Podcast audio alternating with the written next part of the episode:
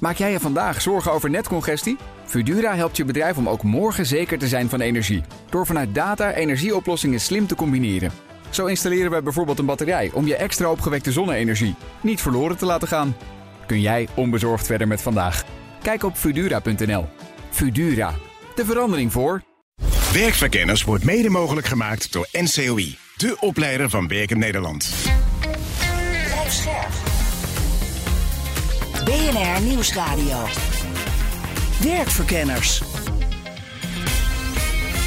Rens de Jong. In deze BNR Werkverkenners gaan we kijken hoe het heurt. Kantooretiketten en hoe dat kan bijdragen aan psychologische veiligheid. Verder een vacature voor liefhebbers van orchideeën. En we hebben weer een leermeester en die leerde echt te zoeken naar het verhaal achter de vraag. Dat allemaal zometeen. Maar nu eerst het BNR Werkverkenners nieuws. Werkverkenners.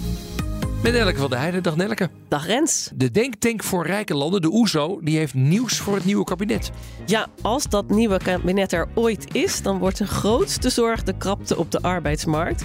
En dat zal echt hoge prioriteit moeten krijgen, schrijft de OESO in de Economic Outlook van november. Ja, hebben ze ook meteen een oplossing erbij? Zeker. Nederland kent een hoge deelname aan de arbeidsmarkt. Het is een heel bekend verhaal, ben ik bang. Maar we werken weinig uren. Dus dat moet meer. Vooral vrouwen moeten meer gaan werken.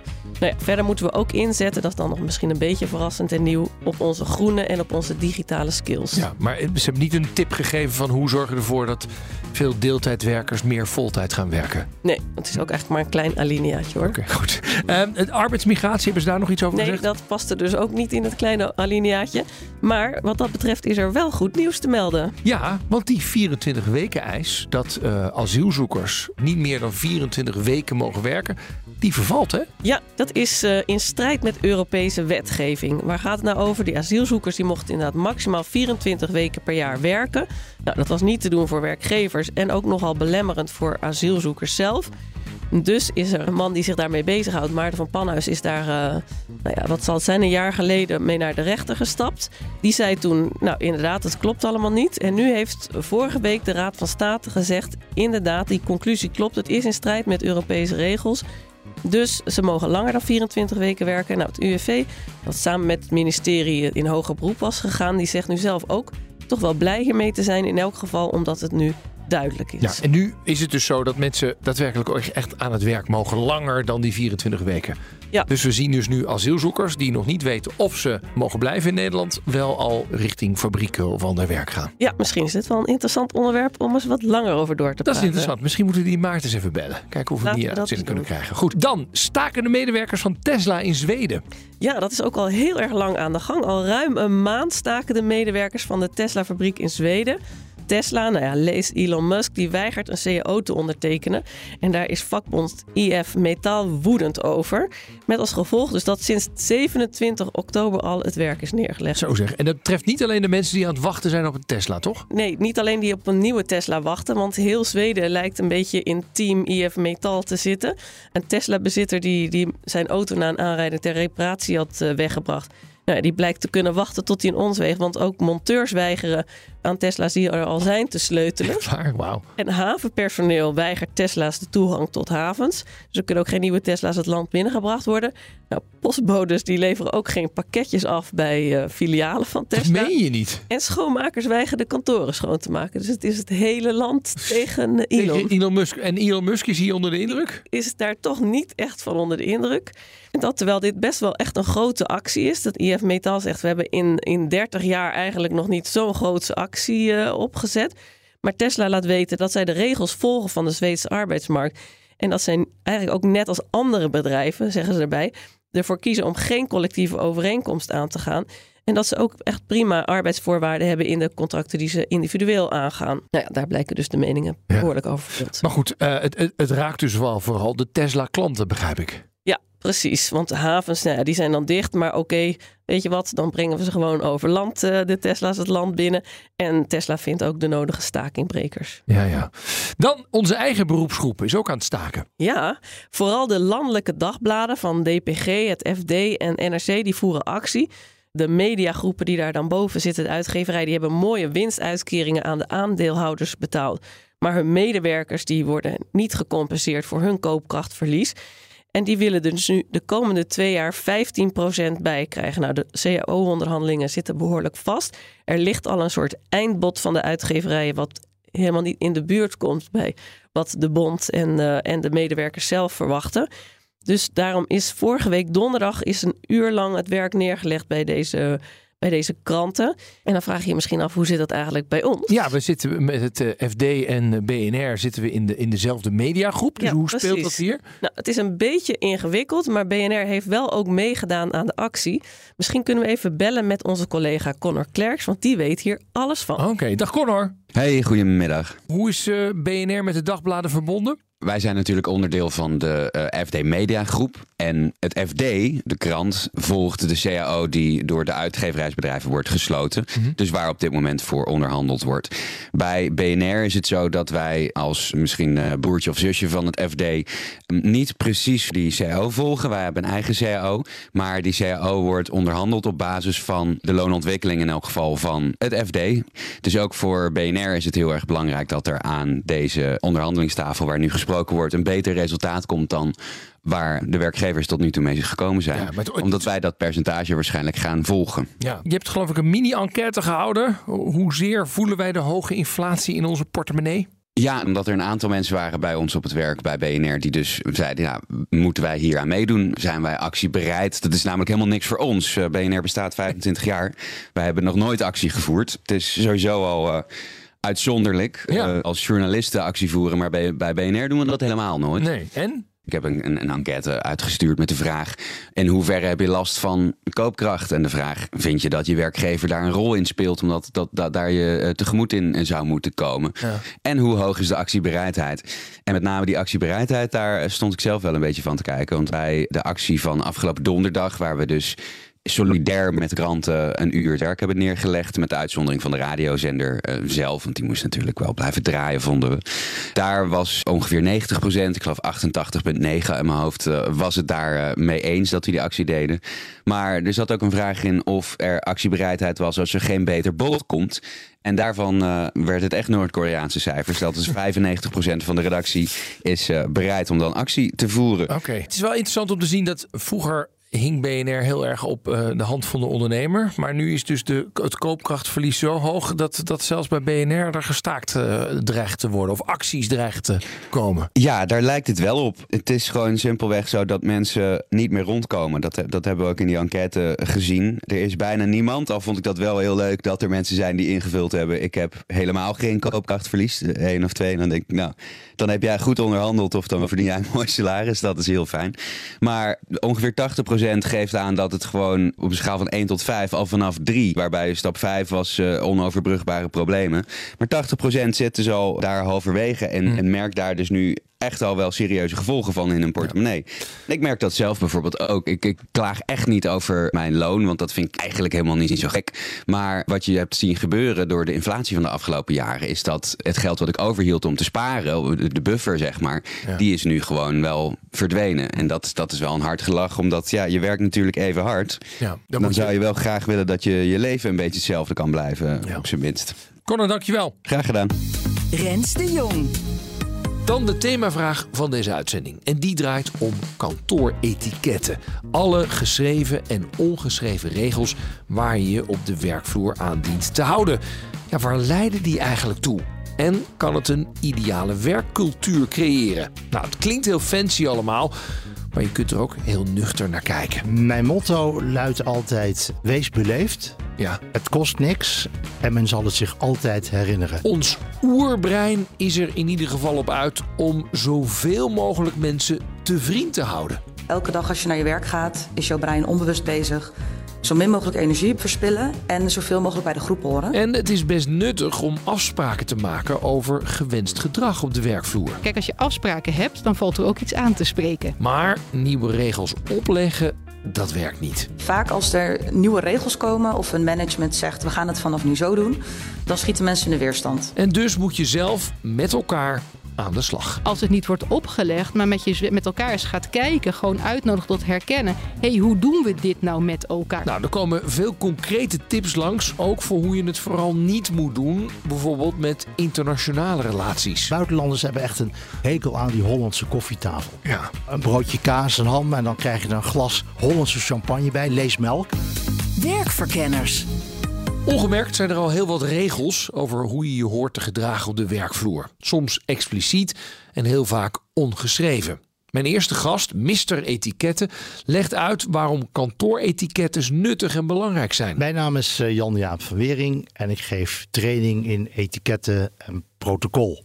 Ja, aan wie geef je dan training? Uh, voor iedereen die belangstelling heeft voor uh, prettige omgangsvormen. En wie zijn dan de klanten? Dat zijn studenten, ondernemers, particulieren, de overheid, militairen, vanaf de rang van corporaal tot uh, drie sterren generaal oh. of admiraal. Maar gewoon eigenlijk ook mensen die graag uh, een uh, next level op sociale vaardigheden wensen. Ik help hen graag, ik adviseer hen graag. Hoe rol je in deze wereld? Ik werkte jarenlang voor een energiemaatschappij. En ik ontdekte dat met name jonge, nieuwe collega's onhandig waren met gebruik van mes en vork merkwaardige kledingcombinaties hadden. Dat was nog in de tijd dat men uh, in, in pak naar kantoor ging. Uh, een das die niet goed gestropt was. Kennis maken, hand in de zak, alleen maar hooi roepen.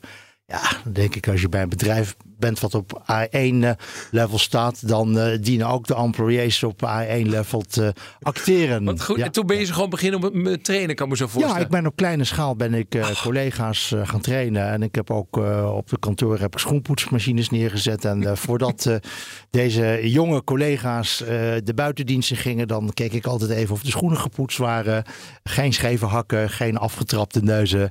En gewoon uh, ja, goede verschijning. Ja. Ja, ja. En, en, nu een behoorlijke following op TikTok ook, begrijp ik hè? Ja, dat is werkelijk uh, ongekend. Ik ben uh, actief op LinkedIn, op, op X, voorheen Twitter, Facebook, Instagram, maar TikTok. Dat is fenomenaal hoe dat gaat. In een, in een maand tijd, ik ben er nu sinds half oktober op, meer dan 3 miljoen um, views op de verschillende filmpjes. Van uh, hoe eet je de bitterbal, vooral niet de, de dubbele dip. hoe uh, leg je een, een goede dasknoop. Hoe hou je het glas in de hand als je een toast uitbrengt. Maar ook uh, hoe laat je weet je dat je graag wil bestellen in een restaurant. Ja, het is, het is leuk. Zelfs zo leuk dat ik appjes krijg van, van, van vrienden. En die zeggen ja, ongelooflijk. En Jaap, het is half drie smiddags en mijn dochter komt stormend de trap af. dochter van 12. Kijk eens Jan Jaap op TikTok. ja, nou. nou. En waar het dan eigenlijk mij om gaat is uh, spread the word etiquette. Want het, het, is, het is niet van mij, het is voor iedereen. Ja. Voor jong en oud. Laat ik het hebben over uh, kantooretiketten. Waarom vind je kantooretiketten of etiketten in het algemeen zo belangrijk? Uiteindelijk, etiketten, het gaat erom dat je het uh, prettig maakt voor elkaar. En dat kun je zelf doen. Heel veel mensen zeggen ook van ja, daar moet mijn werkgever voor zorgen. Nee, als jij een, een kamer deelt met een collega of je bent in een kantoortuin, dan gaat het erom dat je niet aan elkaar stoort, maar dat je het gewoon aangenaam en prettig maakt. En af en toe moet je er een klapje bij doen. Verplaats je in je collega. Als je met ochtendhumeur kampt, nou dan vind ik dat je dat niet uh, een ander moet opzadelen. Want in principe is dat je eigen probleem. En dat betekent eigenlijk uh, van, nou ja, trek je dan terug, zeg dan niet al te veel, maar ga het niet uh, een ander opleggen. Hmm. Wat brengt dat als we allemaal op kantoor betere etiketten hebben? Ik denk dat we dan een prettig teamverband hebben. Het is uh, ten goede, want uh, een bedrijf, daar staat uh, de werknemer centraal. Dat betekent als je in een prettige omgeving werkt, dat straal je uit. En dat komt ook ten goede van de algehele sfeer. Maar ook wellicht van het bedrijfsresultaat. Ja, maar je zou ook kunnen zeggen, ja, etiketten, weet je wel, dan krijg ik meteen in mijn hoofd een beetje, hoe heurt het eigenlijk? Nee. Met, met let op, hoe heurt het? Ja. En je denkt, ja, jeetje, moeten we elkaar zo opgeprikt Etiket en, is en, en eigenlijk de niets maat anders dan regels voor het sociale verkeer. Ga je tegen het verkeer in, dan kom je jezelf tegen. En dat, dat kan wel eens een keer jammer zijn. Ja, maar soms heb ik met etiketten ook wel dat je denkt, ja, laten we er ook een beetje relaxed over zijn. Ja, zeker. Oké. Okay. Want moeten is dwang. En uh, dat is natuurlijk nooit prettig. Nee. Het gaat erom dat je een, een, een aangename sfeer creëert. Ja. Hoe doen we dat eigenlijk in Nederland in het toch enigszins Nou, lompe wel Nederland. dat het eh, op een hellend vlak is. Maar Oh. mede door mijn trainingen komt het allemaal weer op een next level. Ja, maar is het hellend vlak naar beneden, begrijp ik dus. Eh, dat ligt eraan in bepaalde omgevingen wel. En dat is, eh, dat is best veel jammer. Waar zie je dat? Het gaat over eh, bewustwording. Het gaat over situation awareness. Mhm. Als je ochtends de deur uitgaat eh, van wat trek ik aan? Hoe wil ik overkomen? Hè, maak ik me een beetje op? Maak ik me niet op? Uiteindelijk, je bent niet alleen op de wereld. Ja, ja. Dus, dus je dient eh, rekening te houden op het moment dat je de deur uitgaat.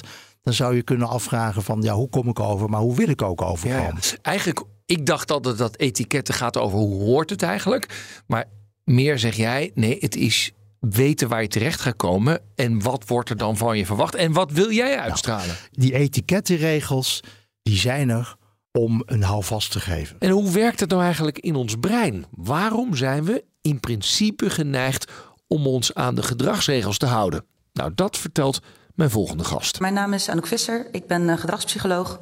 En op dagelijkse basis geef ik organisaties advies en training over menselijk gedrag. Dus eh, hoe komt dit tot stand? Eh, welke invloed heeft de sociale omgeving en een systeem?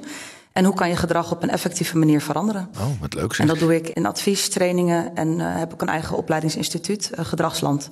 En daar geven we belevingsgerichte opleiding. Oké, en, en vertel me even meer. Wat voor vragen komen dan eh, klanten naar jou toe? Eh, veel type vragen hebben klanten. Het gaat heel veel tegenwoordig om ja, vraagstukken over eh, diversiteit, inclusie, grensoverschrijdend gedrag.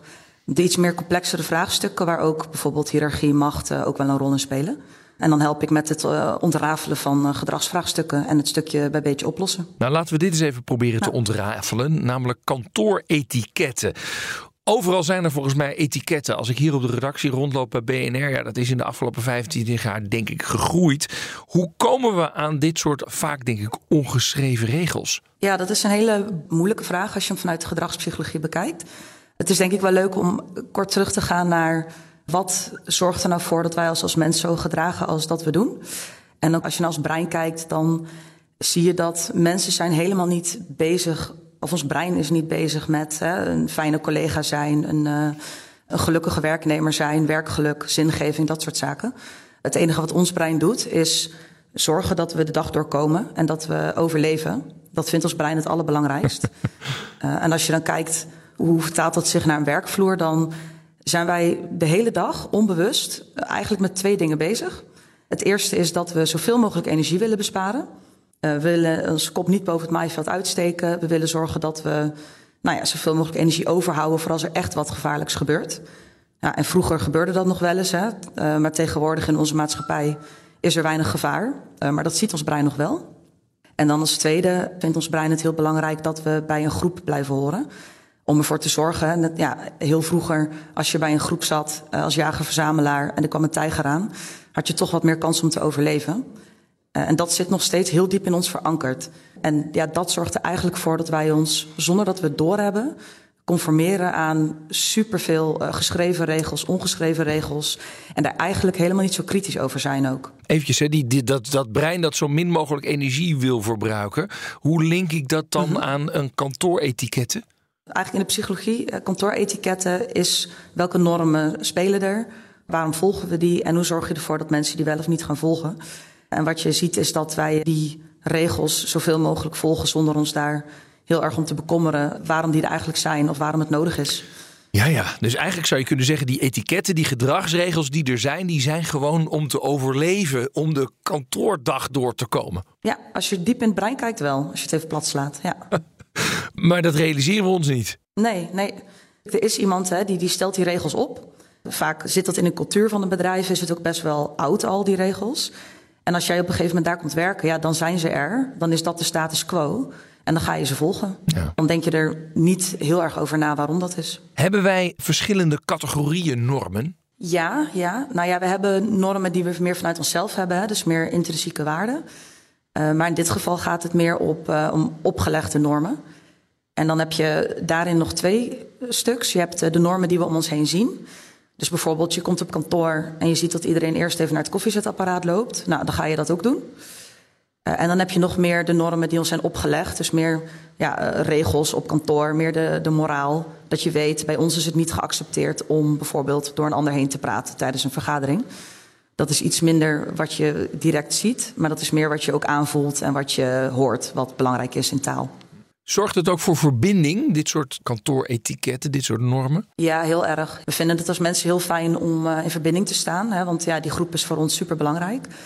En als je op dezelfde manier gedraagt en dezelfde richtlijnen hebt, dan, uh, ja, dan voelt het zeker alsof je uh, als groep ergens voor staat. En dat zorgt voor heel veel verbondenheid. Zou je het ook, die regels of die normen, expliciet en bewust kunnen inzetten om bijvoorbeeld een veilig werkklimaat te creëren? Dat kan wel, ja. Dan gaat het erom, hè, wat is een goede gedragsregel? En uh, wat je in de praktijk ziet, is dat we vaak regels communiceren met kennis erin. Bijvoorbeeld, hè, het is belangrijk om uh, afval goed te scheiden. Of dat we iets zeggen wat juist niet moet. En wat je ziet in de psychologie wat handig is, is dat je sowieso altijd positief com communiceert. En dan ook heel concreet. Mm -hmm. En dan het liefst ook nog een regel die bedacht is door medewerkers zelf en niet is opgelegd. Dus nou, stel je wil zorgen dat in de vergadering mensen niet meer door elkaar heen praten. Uh, en je ziet dat dat veel gebeurt. Dan zou het heel mooi zijn als je uh, niet aangeeft van nou, wij praten niet door elkaar heen hier. Maar dat je met medewerkers samen gaat zitten en gaat bedenken: oké, okay, wat willen we dan wel zien? Nou, bijvoorbeeld dat je uh, als iemand, een collega door iemand heen praat, dat je er wat van zegt. Dus dat je dan als gedragsregel bijvoorbeeld iets maakt van: uh, nou, uh, als ik hoor dat iemand onderbroken wordt in de vergadering, maakt niet uit door wie, dan zeg ik: volgens mij was en dan persoon X nog aan het praten. Mm -hmm. om een gedragsregel dan zo concreet en specifiek te maken dat, je, dat ons brein ook heel makkelijk dat kan gaan verwerken en gaan kan gaan toepassen. Hoe je met kantooretiketten en gedragscodes ongewenst grensoverschrijdend gedrag kunt voorkomen, dat weet mijn laatste gast. Ik ben Jurine Beks en ik ben helemaal into het creëren van psychologische veiligheid. En uh, dat doe ik gelukkig niet alleen. Een hele organisatie gelukkig die mij helpt. Ik heb boeken geschreven over psychologische veiligheid. Doe er onderzoek naar. En ook mijn organisatie meet heel wat af in organisaties. Hoe is het ermee gesteld? En vooral natuurlijk, hoe kunnen we het verbeteren. Ja, en heeft psychologische veiligheid ook iets te maken met kantooretiketten? Uh, ja, ik, hoe je het uitspreekt zou ik zeggen, nou, daar hebben we echt veel zin in. Not. Uiteindelijk, je hebt qua veiligheid misschien wel even goed om te duiden voor de luisteraar. Sociale veiligheid, psychologische veiligheid. Sociale veiligheid, dat gaat over het inrichten van je organisatie als minimaatschappij. Mm-hmm. Daarin zit wat zijn de normen en waarden van de organisatie als totaal. Daar zit ook in, hey, zijn we ons bewust van mogelijke risico's dat mensen misschien niet durven te zeggen wat ze vinden, zoals tijdelijke contracten. Daaronder valt ook altijd het hele nare gebeuren van grensoverschrijdend gedrag, ja. pestprotocollen, meldstructuur, vertrouwenspersonen intern extern. Werkt met name dus curatief. Als er iets gebeurt, weten we hoe te handelen. En dan krijgen we psychologische veiligheid. En dat is de subtiele interactie tussen mensen in een team. Ja. En dat werkt preventief. En we weten uit onderzoek, een beetje aandacht voor die psychologische veiligheid kun je 60% van grensoverschrijdend gedrag voorkomen. En hoe doe je dat nou? Even terug te komen op het mooi uitgesproken woord etiketten. Met afspraken. Ah, gebeurt het vaak dat er geen afspraken zijn? ja, uh, dat gebeurt wel eens. En dat is met name, men denkt dat de ander wel snapt dat die afspraak er is. Dat oh ja. kan natuurlijk leiden tot wat misverstanden. Het kan ook, ja, dat ontstaat dat, of meer organisch. Dat zie je bijvoorbeeld ook bij afspraken over pauzes of zo.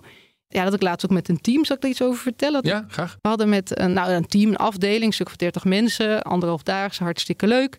En zo ineens dag één, geen idee waarom, hadden ze in één keer met elkaar bedacht, het is pauze. En dat ontstond gewoon. En ik stond daarbij, ik denk, oké. Okay. En jij gaf leiding aan, jij stond voor de groep, zeg maar. Ja, als facilitator. En dan zijn er oefeningen. En dat, dat ontstond. En nou, 25 minuten later waren ze weer allemaal terug in de ruimte.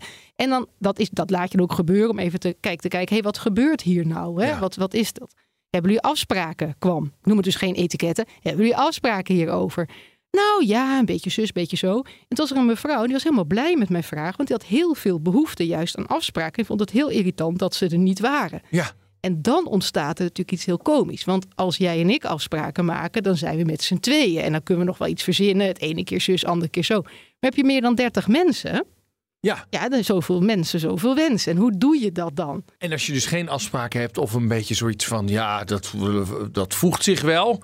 Ja, dan gaan mensen ondergesneeuwd raken bijvoorbeeld. Ja, maar het komisch is dus ook wat er ontstaat, is uiteindelijk zie je dan, ze waren zeg maar doorgeslagen naar de ene kant van nou, we zien het wel en het ontstaat een beetje organisch en dat vinden we fijn. En toen we dus begonnen over afspraken, toen stonden er een paar op en die dachten dit is mijn moment en sloegen ze door naar de andere kant. En het sloeg zo door dat iemand zei ja, dan is het een goed idee, dan doen we zo meteen vijf minuten pauze en dan mag je plassen. maar dus niet... Niet koffie. Nee, exact. Ja. Niet koffie. En, niet, ja, en niet met elkaar praten.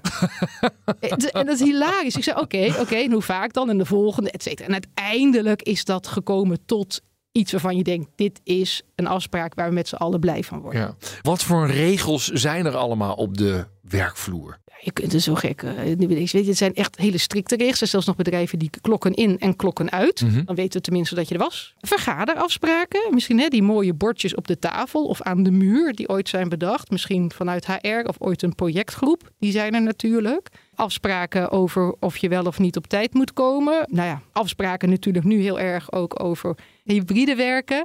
Ja, en, en hoe doe je dat dan met elkaar? Of juist online werken? Ja. Barst van de afspraken. Ja, en zitten er ook afspraken in om eh, hoe je met elkaar omgaat? Want dat, dat zijn de iets zachtere kanten natuurlijk. Ja, en, en ook die helpen. En dat is natuurlijk waar ik me mee bezig hou. En wat je steeds meer ziet ontstaan van oké, wat, wat is nou het gedrag? Dus dan zijn er afspraken over. We beginnen met hoe zitten we erbij? Zijn we klaar? Hebben we de energie om te Mhm. presteren? hè? Dus dat stuk. Wat gaan we bereiken deze meeting, deze afspraak? En hoe gaan we dat met elkaar doen qua gedrag? Dus bijvoorbeeld open, nieuwsgierig, et cetera. Dat Ja. zijn dan meer de zaken die ontstaan in de meeting. Maar je hebt ook gedrag, wat ik zei over die sociale veiligheid, grensoverschrijdend gedrag, normen en waarden. Wat is wel oké, wat is niet oké? Ja, die, die ontstaan natuurlijk steeds meer. Juist vanwege het, eh, ja, het debat in de maatschappij. En als we het nou hebben over dat soort regels of afspraken, hoeveel is daar eigenlijk ongeschreven? Ja, hoe meer ongeschreven, hoe meer we het hebben over... ja, je moet gewoon weten hoe de hazen lopen... hoe groter natuurlijk de kans dat dingen misgaan. Ja. Aan de andere kant, die voel je natuurlijk al aankomen... ik vermoed ook gezien hoe jij etiketten uitsprak... is als je natuurlijk alles op papier zet... Hè, ja, dat, ja, wat, wat heeft dat dan voor zin? Want het staat wel op papier... maar papier wil nog niet zeggen dat het leeft. Dus Mhm. hoeveel timmer je dicht... en, en hoeveel hou je open voor nog wat... eh, Ja. Hollandse gezelligheid. Maar het leuke aan etiketten is natuurlijk, ja, het is geschreven, niet geschreven. Hoe heurt het eigenlijk? Ja, ja, ja. Nou, wat, ik- wat ik meemaak, dat het- wat natuurlijk is, hoe ik er naar kijk, is, ja, weet je, je komt nieuw in de organisatie. En als je gaat kijken dat we steeds vaker, steeds sneller natuurlijk moeten presteren met elkaar en innovatief zijn, et cetera, is het fijn als iemand zich zo snel mogelijk gewoon senang voelt in die werkomgeving. Ja. Als hij dan eerst moet uitvogelen hoe de hazen lopen, wat wel kan, niet kan, hoe je het doet, dan duurt dat wat langer. Ja, dus je moet het wel een beetje opschrijven dan, Dus, denk ik. dus het is wel handig als wat duidelijkheid aan de voorkant is. Ik had bijvoorbeeld ook laatst, ik had een afspraak in Utrecht, tien uur, was gedoe, file, et cetera. Ik echt had stress. Ik had echt stress, want ik wilde op tijd zijn en Ja. even landen enzovoort. En eh, ik kwam uiteindelijk binnen om vijf voor tien.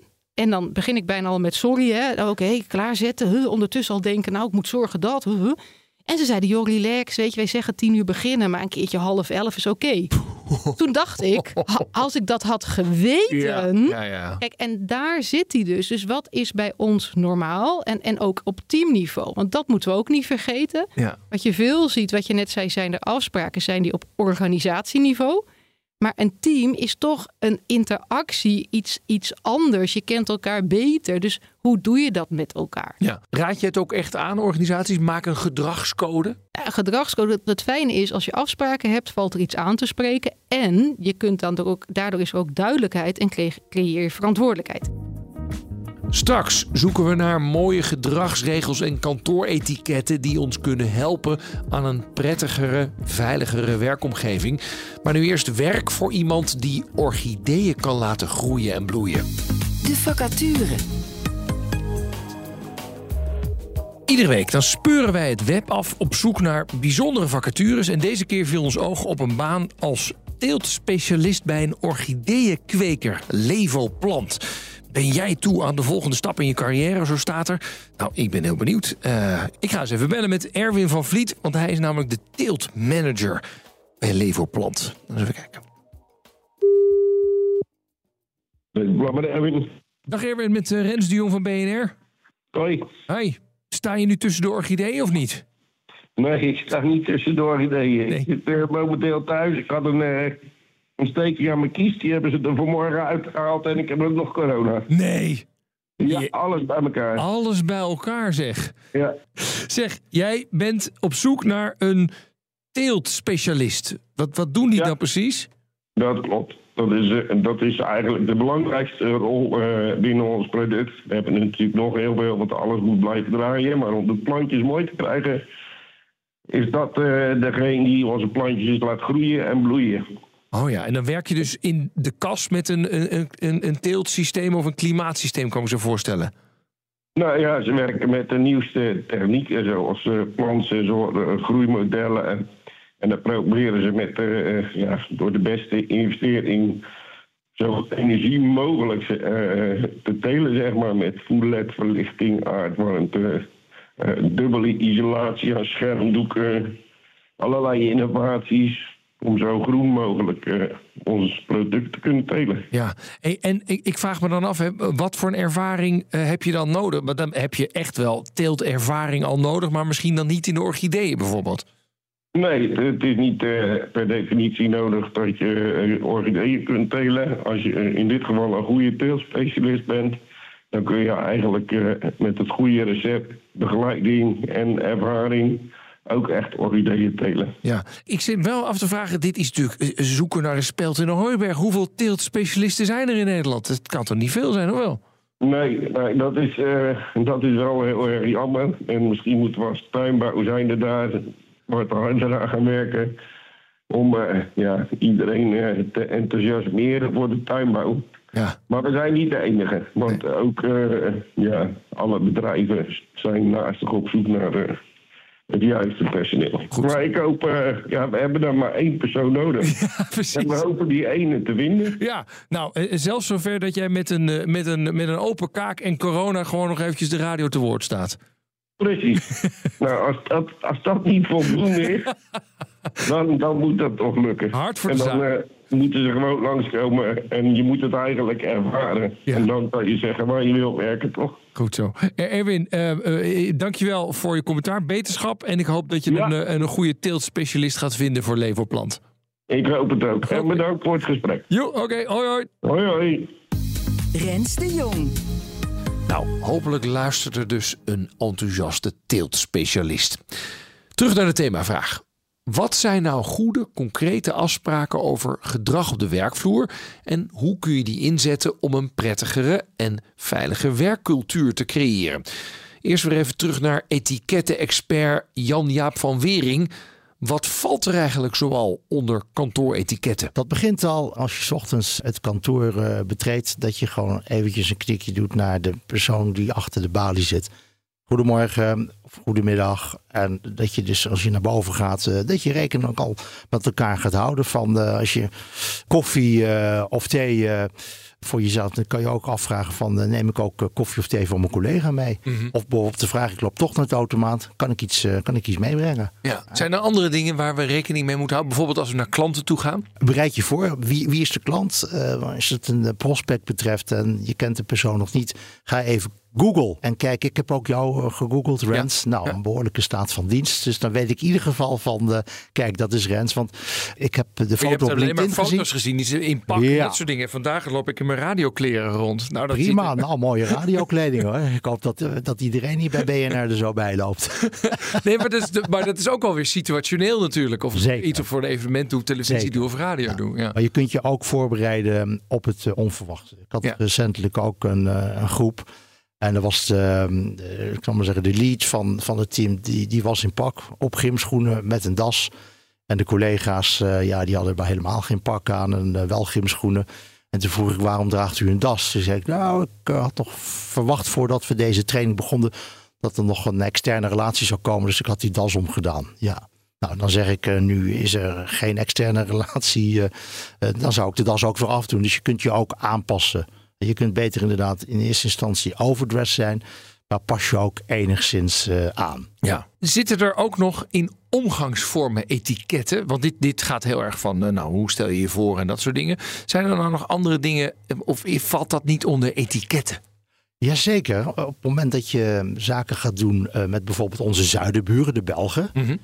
Dan is het uh, niet snel tutoyeren, dan is het fourvoyeren. Ja. En, en als men uh, wordt uitgenodigd om 11 uur in Antwerpen voor een gesprek, dan is het niet uh, zoals in Nederland uh, de obligate kopje koffie. Nee, dat is een lunch. Ja. En daar trek je gewoon twee, drie uur vooruit. En dan heb je kans in die laatste tien minuten met een kop koffie, met een mooi glas cognac, armagnac of een Tia Maria, eh, dat dan de zaken worden gedaan. Ja. Zijn er schadelijke gedragingen? In Nederland is men eigenlijk wel heel direct. Mhm. De, de botte Hollanders in België, dat is dan zo'n zo'n onderwerp. De Dutch directness. En niet iedereen vindt dat even prettig en kan er ook niet eh, op reageren. Dus dat betekent, als je naar het buitenland gaat, leef je in de cultuur. Probeer niet dwingend te over te komen. Geef ook ruimte. Tel nou eens een keer in plaats van tot drie tot tien. Want wij willen nog wel eens zomaar iets uitflappen. Zonder dat we ons realiseren hoe dat bij de ander overkomt. Ja. We zijn natuurlijk eh, goede eh, zaken. Mensen, maar daar hoort dan natuurlijk ook wel eh, een eh, ja, zakelijke etiketten bij. Ja. Per land verschillend. Aanspreken van elkaar. Kijk, als je die normen en waarden naar een hoger plan wil trekken, dan moet je elkaar natuurlijk wel durven aan te spreken. Ja. Hoe doen wij dat? In een één op één. De lead kan bijvoorbeeld zeggen van... eh ja, ik wil graag iets met je bespreken. Zullen we naar het koffieautomaat gaan? En dan komt het verhaal. En dat kun je op een prettige manier doen. En, en, en het ligt eraan natuurlijk wat de boodschap is... of wat uitgesproken moet worden. Maar ga de dialoog aan. En, maar blijf netjes. Ja, maar ja, het is zo persoonlijk dat dat me best lastig lijkt. Uh, dat is helemaal niet ingewikkeld. Ik heb een voorbeeld van, uh, stel nou wij zijn collega's en wij uh, zijn de hele dag zijn we in deze ruimte. Maar ik, um, ik, ik, ruik, ruik iets. Hè? Hm. Een mens stinkt niet, maar je, maar je kan ruiken. Ja. Dan ga ik natuurlijk zeggen: Hé hey Rens, joh, heb je spruitjes gegeten of heb je uien gegeten? En dan zet ik ook niet gelijk een wc-eentje op de tafel. Nee, dan, dan zeg ik: Ga een kop koffie halen en ik moet tegen je zeggen: ja, Ik weet niet of je door hebt, maar, maar je, ruikt, je ruikt een beetje. En veelal hebben mensen daar helemaal geen idee van dat ze ruiken. En het is menselijk. Mm. Dat is nou zo'n voorbeeld. Doe dat op een subtiele manier. Ja. Maar nooit en plein publiek, niet in de kantoortuin uh, roepen van... hé, hey, je meurt. Dat kan niet. Nee, dat maar gewoon, gewoon wel oprecht. Maar eigenlijk hoor ik hier, de kern is hier... als het oprecht voelt en uitgestraald wordt... Dat is het, dan precies. Gaat, dan gaat het bijna altijd goed. Oprecht, met behoud van authenticiteit en, en goed bedoeld. Als je opponent voelt van, oh, dit is niet uh, kwaad bedoeld of dat is niet om mij in een kwaad daglicht te zetten. Deze, de, deze persoon heeft het beste met me voor. Ja, dan bereik je wat. Ja. En, en ook het juiste moment natuurlijk uitzoeken. Ja, timing is everything. Heel belangrijk. En als de timing op dat moment niet uitkomt, dan doe je het op een andere manier. Maar, maar zeg het wel. Ja. Want anders gaat dat, gaat dat broeien. En, en, en dan, dan krijg je dus uh, ja, situaties uh, die niet uh, gewend zijn. Dat, en dat is jammer. Ja. Ga de dialoog aan. Wat zijn nou de concrete stappen die je moet nemen voor een veilige werkomgeving? Dat vraag ik aan Jorine Beks, expert op het gebied van psychologische veiligheid. Nou ja, wat heel belangrijk is, is dat je dan zegt met die psychologische veiligheid. Dat betekent ook dat mensen zich vrij voelen om te durven zeggen wat ze vinden op respectvolle wijze. Hè? Wel een little detail. En dat ieder mag zijn wie die is. En niet alleen van die ander, maar ook van zichzelf. Een stukje zelfvertrouwen. En dat je zo zorgt dat iedereen een bijdrage levert aan het grotere geheel. En daar zijn inderdaad afspraken voor nodig. Zoals bijvoorbeeld spreektijd. Eentje die ook heel veel voorkomt. Mm-hmm. Hebben wij tot nu toe geloof ik nog geen last van.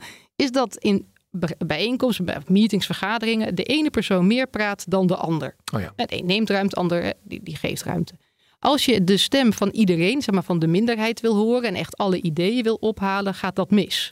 Nou, ik heb een, ook een team en die ze hebben nu echt de afspraak dat ze elke meeting beginnen met: oké, okay, voordat we beginnen, met hoeveel zitten we hier om tafel? Hoeveel tijd hebben? Nou, stel we zitten met z'n twaalf en stel we hebben 60 minuten. Oké, okay, vijf minuten per persoon. Dus als je langer praat dan vijf minuten, dan steel je van die ander. Oh ja. Moet iedereen dat volpraten? Nee. En wat je daarmee doet, is gewoon even die bewust worden, ja, creëren van oké, okay, die verantwoordelijkheid aanzetten. En dat doen natuurlijk afspraken. Dat je even bewust wordt, oké, okay, hoe doen we dat met elkaar? Wat is normaal? Ja. Zorgen ook dat degene die wat meer introvert is ook inbreng heeft. Dus dan moet je ook iets anders voor gaan organiseren. En welke vakjes moeten we dan aankleuren? Dus welke situaties moeten we het over hebben? Ik kan me voorstellen dat je zegt, nou, we, we, we praten eens even over uh, borrels. We praten over vergaderingen. We praten over uh, s'avonds laat met z'n tweeën werken. Ik, ik zeg maar even wat. Ja, dan zit je echt bij die gedragscode. Hè? Dan is hoe kun je voorkomen dat er grensoverschrijdend gedrag kan ontstaan. Hè? Mm-hmm. Dus dan met hiërarchie, et cetera. Wat zijn daar de mogelijke risico's in? En daar kun je het over hebben. Dat zie je ook vaak organisatiebreed. En natuurlijk, die zijn van belang hè, als je mogelijke risico's wil voorkomen. Maar er zit ook een nuance in. Hmm. En bijvoorbeeld ook met humor. Oh ja. Je kunt dus Oh ja. zeggen van oké, grapjes mogen niet. Of wat voor ja, getinte grapjes kunnen niet. En dat doen wij hier niet. Maar ja, weet je, als je elkaar langer kent, dan kan die humor ook anders ontstaan. Ja. Weet je, en ik had laatst toevallig bij een organisatie, daar vertelde men dat een van de toch wel ja, hoger in rang zijnde, echt hiërarchische organisatie, die had als bijnaam Bokito. Ja. En De, vond- de gorilla uit Rotterdam. En Ja. die meneer die kwam ook uit Suriname. Oh. En ja, nee, maar het is grappig, want we zeggen oh. Hè? En wat was er nou gebeurd? Hij liep over de gang en een van zijn collega's, die hij dus kende van eerder, van vroeger, die zei, hé, hey, Bokito, is hij? Stonden andere mensen omheen, die schrokken zich het leblazers van, dat kan niet. Nee. Dat is discrimineer, dat mag niet. Diversiteit, inclusie, afgekeurd, hou je mond, hè? stout, eh, Ja. weg. Moeten we wat van doen als omstanders. Maar die hele meneer Bokito was hartstikke trots op. Want hij zei, Bokito die is sterk, die is groot. Kijk, mij is, hè, ze vinden mij dus sterk en groot. en het was de humor. ja. En dat blijft natuurlijk ook weer, maak het dus bespreekbaar. En als ik een grapje maak die jij niet erg vindt, er staat er iemand bij die vindt het wel erg, dat je het daar even over hebt. Ja, want het kan natuurlijk ook wel een soort van... oh, als het tegen die mag, nou, dan kan ik die andere grap ook wel maken. Maar als die persoon het weer niet leuk vindt, ja, dan krijg je weer een probleem. Exact. Dus het, eigenlijk wat, we hebben wat er is ontstaan in de maatschappij, is er waren heel veel zaken onder tafel. Die zijn boven tafel gekomen. En om daarmee te dealen, heb je het dus erover te hebben. En kom je tot nieuwe gedragsregels, codes, Ja. Om het maar iets soepeler te Maar benoemen. dan, dan ben ik benieuwd of uh, nog steeds dan die meneer, terwijl hij dat prettig vond of oké vond, nog steeds Bokito genoemd wil, moet, zou kunnen worden. Ja, die is interessant. Hè? Die meneer had er geen last van en die was er eigenlijk trots op. Ja. eh, Op, op zijn bijnaam. Maar dan moet je het erover hebben. Wat doet dat dan met de rest? En wanneer kan het dan wel? En dan krijg je dus wanneer kan het wel en wanneer kan het niet. Ja. Dit is ook alweer, blijkt, als je dit in regels gaat vatten, dat is gewoon niet te doen natuurlijk. Je hebt basisregels en eigenlijk zijn die zo logisch. Die, die, die, die gelden ook gewoon waar je ook maar bent. Hè. Je gaat niet zomaar aan je collega zitten. Mhm. Ik noem maar iets. Eh hierarchiebewust. Weet je, wat voor taal gebruik je? Zijn heel, dat zijn eigenlijk de gedragscodes. Die wel goed zijn om te weten. Want nogmaals, als je afspraken hebt, dan kun je daarop aanspreken. Dan kun je het ook hebben over WhatsApp-verkeer. Ja. Maar dat is wel van belang om daar wel helderheid over te hebben. Want afspraken die werken wel zo dat als je weet wanneer het goed is, dat bouwt ook vertrouwen, heldere kaders. Ja. Echter, ingesnoerd worden in een keurslijf, ja, of dat nou zoveel werkplezier weer geeft. Dus het is altijd die balans. Actueel thema, over de politiek praten op de werkvloer. We zien het politieke midden redelijk weggeslagen uit Nederland, dus het polariseert alleen maar. Daar kan natuurlijk wel iets ontstaan. Nou, dat is natuurlijk ontstaan. En Ja. dat, kijk, wat je ziet is, dat is al veel langer bezig natuurlijk met heel die diversiteit en inclusie, die is ontstaan. En daar ben, daar ben ik ook heel erg mee bezig. Hè? Want psychologische veiligheid is ook het middel om van die diversiteit naar inclusie te komen, omdat het helpt om te durven zeggen wat je vindt op die respectvolle wijze, Mhm. zijn, et cetera. Je kunt natuurlijk niet alles van buiten weren binnen. Dat mensen die komen binnen, en het is niet dat ze dan hun hele emotie buiten hebben. Nee, maar En- laat me, maak het heel concreet. Eh, PVV heeft gewonnen. Vinden heel veel mensen goed nieuws. Eh, heel wat mensen vinden dat ook slecht nieuws. Je komt op de werkvloer. Nou, ik ben blij dat de PVV gewonnen heeft. Ik zeg maar wat. Nou, wat het meest belangrijke is dat je open, het is mijn overtuiging, dat je open staat voor het perspectief van die ander en dat je naar je werk gaat vanuit nieuwsgierigheid en niet vanuit overtuigen. Kijk, Mhm. daar zit het gevaar. Dat is in alles, natuurlijk heel die polarisatie. En mensen die komen op werk en dit kun je niet buitensluiten. Nee. Zoiets als dit, hè, maar ook als er zaken gebeuren met aanslagen. Weet je, al die heftige zaken, dat is heel Ja. heftig. Ik hoor ook van mensen om me heen, moslims, die zeggen: Ja, weet je, ben ik nog veilig? Ook iemand die ik goed ken, die zei: Ik moet mijn moeder nou uitleggen dat ze nog wel over straat kan. Hè. Dat is natuurlijk vreselijk heftig. Dat is er. Mensen die keihard op die barricade staan te springen, bewijzen van om mensen te motiveren om van diversiteit naar inclusie. Wat gebeurt daarmee? Dus die onzekerheid die zit er. Ja. Alleen, hoe doe je dat? Maar En- dus de, je zou kunnen zeggen, we praten hier niet over politiek. Ik, ik ken Amerikaanse bedrijven waar het gewoon in de regel staat, er wordt hier niet over politiek gepraat. Omdat het namelijk zo explosief is. Ja, en, en dat is inderdaad, hè, als je gaat kijken, Amerika is natuurlijk heel erg zwart-wit. Dat zit hier nog iets met meer nuance. Mwah. Ja, Oké, je hebt gelijk. Maar ik geloof dat vanuit mijn perspectief, je kunt het niet uitzetten. Want het doet iets met iemand, in dit geval ook. Het is natuurlijk een hele heftig. Dit gaat bijna over existentieel. En mag ik hier zijn? Ja. En aan de andere kant ook de grote woede en de onrechtvaardigheid die gevoeld is ja, onder het vorige kabinet. Hè? Dus er zit woede en dat zit erin. En psychologische veiligheid is de onderstroom. Ja. Dus die zit er. En hoe maak je de onderstroom bespreekbaar? En bij dit thema Mhm. lijkt het me zinvol om dat wel een beetje begeleidend te doen. En dat je wel zegt, we gaan elkaar niet bij het koffiezetapparaat eens even uitschelden, Nee. et cetera. Maar goed, een, een houding van eh, interesse in plaats van veroordelen helpt al dan, zeg maar. Ja, nou ja, dat is natuurlijk ook heel, dat, eh, dat zie je op LinkedIn ook voorbij komen van, hey, hoe is het met jou? Ja, dus, dus meer die nieuwsgierigheid en die geldt in alles. Want in dat hele verhaal van diversiteit en inclusie, ieder mens is anders, niet beter, niet minder anders. En begrijp je waarom die ander doet wat die ander doet. En dat geldt hier ook voor. Waarom is er gestemd zoals er is gestemd? Wat is het effect erop? Ja. En als dat lukt, ja, dan is het bespreekbaar. Gedragspsycholoog Anouk Visser legt uit wat er allemaal komt kijken als je gedrag vervolgens echt wil gaan veranderen. Gedrag is complex en hoe je dat verandert en welke regels werken, dat hangt heel erg af van het bedrijf, van de medewerkers en welk gedrag je precies wil veranderen. Dus wat ik vaak doe is kijken naar bijvoorbeeld je wil eh, zorgen dat je als bedrijf duurzamer gaat zijn en je, wilt, je verwacht wat van medewerkers. Dan ga je heel goed kijken, oké, welk gedrag willen we veranderen? Waarom doen mensen dat nu niet? En wat heeft dan de meeste kans van slagen om het aan te passen? Ja, dat is interessant, hè? Want mensen Ja. denken af en toe als ja, dat is opgelegd door hoofdkantoor. Heb ik helemaal niet zoveel zin Ja, in. Laat mij nou Nee. gewoon mijn werk doen. Hoe ga je dat dan aanpakken? Nou, wat jij ook beschrijft. We hebben als mensen een grote behoefte om autonoom te zijn en om keuzes te maken. En als iemand zegt, jij moet dit doen, dan denkt de mens automatisch al, ja, dat ga ik dus mooi niet doen. Ook al is het een goed idee, zoek het maar uit. Puur omdat iemand anders het zegt. En dan misschien hè, mensen het wel herkennen op de werkvloer. Mensen worden recalcitrant, ze worden passief-agressief. Typisch is ook de briefjes op de wc van wil je het even netjes achterlaten? Nou, dat zijn altijd van die briefjes die heel veel weerstand veroorzaken. Dus het slimste wat je kan doen als bedrijf is om mensen zelf dus wel duidelijk te zijn over hè, we willen duurzamer zijn. Maar dan vervolgens al meteen naar medewerkers te gaan met de vraag hoe kunnen we dat nou het beste gaan doen? En hoe kunnen we mensen nou motiveren om zich daaraan te houden? Uh, dus denk aan uh, bijvoorbeeld bepaalde uh, ja, projectgroepen waar je iedereen in betrekt. En dan is het de vraag, ja, waarom doen mensen niet duurzaam? Um, bijvoorbeeld, vaak hebben mensen het gevoel van... het heeft niet zoveel zin als ik het alleen anders doe. Uh, is een druppel op de gloeiende plaat bijvoorbeeld. Nou, dan wil je daarop inspelen door te laten zien dat het echt wel helpt. Uh, en vaak is het ook toch weer een kwestie van energie besparen.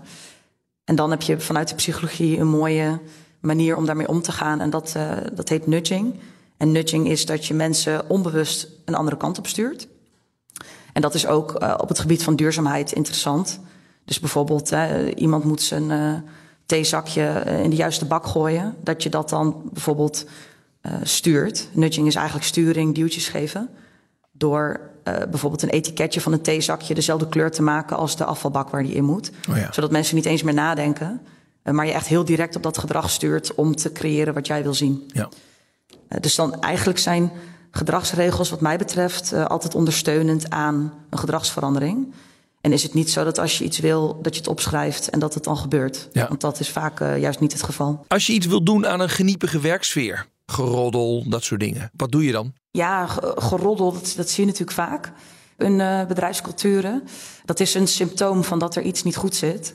En wat je eerst wil doen, is erachter zien te komen welke, welke behoeften van de mensen dan zo niet wordt gehoord. Dat zal toch vaak met autonomie te maken hebben of bepaalde hiërarchieën, waardoor mensen makkelijker bovenop komen. Dus je wil echt weten waar zit het hem in? Welke basisbehoefte is niet vervuld? En hoe kunnen we dat op een positieve manier beïnvloeden? Mm. Dus je gaat niet zeggen wij roddelen niet, maar je gaat kijken waarom roddelen we en daar ga je iets aan doen. Oh ja. En uh, diversiteit is ook zo'n ding waar we, ja, misschien niet in etiketten, maar het is wel iets waar we de hearts and minds over af en toe moeten overtuigen, denk ik. Ja, diversiteit is een heel groot uh, thema. Ook omdat het, uh, het is een complex thema. Je hebt heel veel verschillende invalshoeken. Je hebt ook gewoon een, een blinde vlek hè, bij veel mensen die bij de norm horen en niet een minderheidsgroep zijn. vinden het heel moeilijk om zich in te leven omdat zij die ervaringen niet hebben. Dus dan wil je alle groepen erbij betrekken. Ook weer bij het maken van beleid, bij regels. Zorg ervoor dat je mensen betrekt die er ervaring mee hebben. Ja, maar dat is in de praktijk vaak lastig, kost tijd en uh, is niet altijd even positief voor ons gevoel van verbondenheid. Hm. Want je gaat eerst breder kijken voordat je weer samenkomt. En dat is ook spannend. Hoe eenvoudiger, hoe beter, hè, begrijp ik. Zeker. Hoe eenvoudiger, hoe makkelijker het is voor jouw oerbrein om te begrijpen wat je moet doen. Uh, in positieve zin van het woord, is geen ontkenning. Dan uh, ga je het ook gewoon sneller doen. En vaak denken mensen daar dan niet eens heel veel over na. Ja. Ja, ik vind het heel intrigerend hoe dat gaat. Wat je ziet is, vanuit de communicatie is heel lang een model gehanteerd. Uh, kennis, houding, gedrag. Mm -hmm. Dus verander de kennis. Iemand wordt positief ergens over en gaat het vervolgens ook doen. Maar we weten tegenwoordig veel beter dat het eigenlijk andersom zit. Dus je wil eerst het gedrag veranderen. En dan gaat ons brein automatisch meer interesse krijgen daarin. En krijg je ook dat we dus zelf informatie gaan opzoeken. In de lijn van hoe we ons al gedragen. En dat noem je de confirmation bias. Dan gaan we vooral informatie opzoeken dat past bij wat wij al doen. Ja. Want wij vinden het heel vervelend als ons gedrag niet in lijn ligt met wat we vinden. Uh, dus gaan we vaak, uh, omdat het makkelijker is om onze gedachten aan te passen en niet ons gedrag, gaan we gewoon informatie opzoeken dat past bij wat we al aan het doen zijn. En dan zijn we blij met onszelf. Kunnen we dan door gedragsregels, hè, gewoon hier doen we dit niet, kunnen we dan gedrag beïnvloeden of niet? Ja, je kan gedrag beïnvloeden met gedragsregels. Ik zou het sowieso nooit negatief formuleren. Dus wat doen we hier wel? Mm -hmm. En het dan heel concreet maken. Plus het ook wel ja, ondersteunen met uh, andere, andere interventies dan alleen geschreven regels. Want je zal zien dat mensen lezen het vaak niet eens. Dus ik zou het dan hè, visueel maken, op de juiste plek hangen waar het gedrag plaats moet vinden. En het dan ook heel concreet en beeldend maken. Dan heb je de meeste kans van slagen. Goed, geschreven en ongeschreven regels op de werkvloer. Kantooretiketten. Ze dragen eraan bij dat we ons werk prettig kunnen doen. En je kunt ze ook specifiek inzetten om bijvoorbeeld inclusie te bevorderen of te zorgen voor een veilige werkomgeving. Dat kun je dan wel het beste doen in de vorm van afspraken die je met elkaar maakt. Zo wordt namelijk ieder stem gehoord en voor ons brein helpt het enorm als we zelf hebben meegedacht over de gewenste gedragsverandering. De leermeester. Laatste onderdeel van deze uitzending, de leermeester. Wie zorgde bij jou voor een kantelpunt in je carrière? Wie heeft een inzicht gegeven waar je de rest van je leven wat aan hebt gehad? Deze week bellen we met de leermeester van mediastratege Bart-Jan Kuhne. Dag Bart-Jan. Goedemiddag Rens. Uh, wie is jouw leermeester? Dat is Markoen Hopstaken. Hm. En dat zegt denk ik niet heel veel mensen iets. Nee. Maar het was een man die uh, ooit heel uh, lang en uitgebreid op de Nederlandse radio te horen was. Maar volgens mij inmiddels uh, daarvan is verdwenen. Maar wat heb ik veel van hem geleerd? Ja, dus in een paar zinnen, wat heeft hij jou geleerd? Nou, eigenlijk twee dingen die ik nog dagelijks toepas. Luisteren naar je publiek. En echt de vraag achter de vraag durven stellen om tot ja, echt relevantie te komen. Ja. En hoe lang hebben je elkaar niet gesproken? Ja, ik, ik, ik zat daar net nog aan te denken. Dat is echt al, nou, ik denk 2016 of 2017. Oh, dus in ieder geval nog uh, voor, voor, voor corona. corona. Nou, dat dat heel, heel, lang heel, lang geleden. Heel ja, geleden. Ja, Goed, nou, ik heb- gelukkig wel. ik heb hier zijn 06-nummer. Laten we eens even proberen om eh, verbinding met hem te leggen. Yes, let's try it. Ja, Groenhoofdzaken. Goedemorgen, middag. Goedemiddag met eh, Rens de Jong van BNR. Goedemiddag. Hey, eh, ik belde omdat eh, eh, voor de rubriek De Leermeester... jij bent aangewezen als iemands leermeester. Nou, dat is eh, bijzonder. Ja, toch? Ik ben heel benieuwd. Ik heb echt geen idee. Nee, nee. Nee, nou, eh Bart-Jan, kun jij jezelf even bekendmaken? nee, dat hoeft al niet meer. Hè? hey, maar Koen. Hey, Ja. Bert-Jan. Het is, het is echt, ik had, ja, je hebt denk ik geen idee, maar ik had eigenlijk ook geen idee. Totdat mij de vraag werd gesteld: wie is nou jouw leermeester? En toen dacht ik, ja, dat kan er eigenlijk maar één zijn, want alle, alle lijnen liepen naar jou. Dus Alle eh, eh, dank daarvoor. heb- Koen, leg even En, uit, eh, hoe, hoe denk- kennen jullie elkaar Ja. dan precies voor de luisteraar die dit weer hoort? Nou, Bart-Jan was eh, een van de BNN United Talents eh, in onze groep. En Bart-Jan was een van de mensen in, in zo'n groep. En soms waren er mensen die, eh, daar kon je meteen merken van... nou, dat zijn mensen die, die, die kunnen wat, daar heb je wat aan. En er waren ook wel eens mensen Bart-Jan. nou, Ja. En Bart-Jan en, ja, Bart-Jan, en, en was er daar absoluut eens van. Oh, oké. En wat er, Bart-Jan is ook een beetje blijven hangen bij BNN. En die heeft later, toen ik, toen ik mijn programma De Doofpot deed, een nachtelijk praatradioprogramma. Toen heeft Bart-Jan eh, de, de eerste afvang van de bellers eh, gedaan. Dus die zat aan de, aan de lijnen om mensen door te zetten. Om de al te grote dronken roepers eh, tegen te houden. Want tussen 1 en 3 s'nachts praatradio heeft er zeker risico in zitten. Ja, en, en, en dat is Ja, dat, dat leerzaam. zeiden vrienden dus ook hè, tegen mij. Ja? Ja, nou, is heel leerzaam. En vrienden van mij zeiden ook van ja, maar ja, want ik was al verslaggever. Ik werkte voor andere, andere omroepen. En waarom gaan we elke vrijdagnacht naar het Aftanse Mediapark om in de studio bellers te selecteren?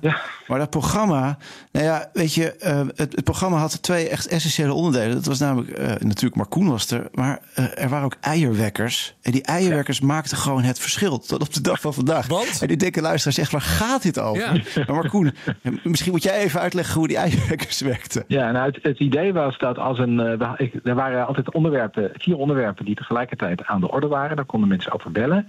Dat waren onderwerpen die gelieerd waren aan de actualiteit. En, en eh, elke keer als iemand over zo'n onderwerp begon, dan ging de eierwekker, een eierwekker voor dat onderwerp op 30 minuten. En dat betekent dat als er 30 minuten lang niet over een onderwerp gebeld werd, dan was het kennelijk niet meer leuk genoeg. En dan werd het in de doofpot gedaan en dan kwam er een nieuw onderwerp voor, de, voor in de plaats. Geweldig zeg. En even Bartjan, want dit, dit is de rubriek de leermeester. Eh, En vaak spreken we dat helemaal niet uit, hè, dat iemand iemands leermeester is. En dat maakt deze rubriek zo leuk, vinden wij tenminste. Maar, maar wat is het dan dat je zegt, ja, dat, dat heeft me bijna geraakt. Ja, wat- of gemaakt als professional, Nou ja, als wat mens. ik daarvan geleerd heb, is dat je kunt van alles verzinnen als, als journalist. En, en, en alle vragen moeten natuurlijk ook gesteld worden. Maar dat wil helemaal niet zeggen is die bij je publiek leeft, of dat een, eh, je publiek überhaupt eh, daar antwoord op wil hebben. En, en die eierwerkers, hoe simpel het ook is, ehm, eh, ja, die lieten eigenlijk gewoon de relevantie van elk onderwerp blijken. En ik zei ook de vraag achter de vraag. En ik kan me een uitzending herinneren waarbij Marcoen aandacht wilde besteden aan de, aan de Tweede Irak-oorlog. En, en de musea in Bagdad werden leeggeroofd. En hij de, de, de vraag stelde van ja, stel nou dat je dat in Nederland de, de deuren van de musea één dag zouden openstaan. En jij zou daar een kunstwerk uit mogen kiezen om mee naar huis te nemen. Welk kunstwerk zou dat dan zijn? en dan krijg je natuurlijk een hele andere benadering dan wat vind je er eigenlijk van? Of is dit eh, erg dat dit gebeurt? Nee, je krijgt persoonlijke verhalen bij kunst. En dat is waar het programma eigenlijk de hele tijd zo krachtig in was. Je kreeg echt persoonlijke verhalen bij de actualiteit. Ja. Ik vond het leuk om jullie even met elkaar eh, in contact te brengen. Nou, eens gelijk. We bellen, Ja, leuk om je weer. Ja, Ja, zeker leuk je weer eens te spreken, Marco. Dank jullie wel. En, eh, Hey, nou, bedankt, hè. Spreken we elkaar. Dag. Yo, Hoi. Dit was Werkverkenners voor deze week. Volgende week dan krijg je weer een verse. Op dinsdag om drie uur. Natuurlijk in je podcast-app kun je hem op ieder moment terugluisteren. Graag tot de volgende keer. Dag. Werkverkenners wordt mede mogelijk gemaakt door NCOI, de opleider van Werken Nederland. Maak jij je vandaag zorgen over netcongestie? Fudura helpt je bedrijf om ook morgen zeker te zijn van energie. Door vanuit data energieoplossingen slim te combineren. Zo installeren we bijvoorbeeld een batterij om je extra opgewekte zonne-energie niet verloren te laten gaan.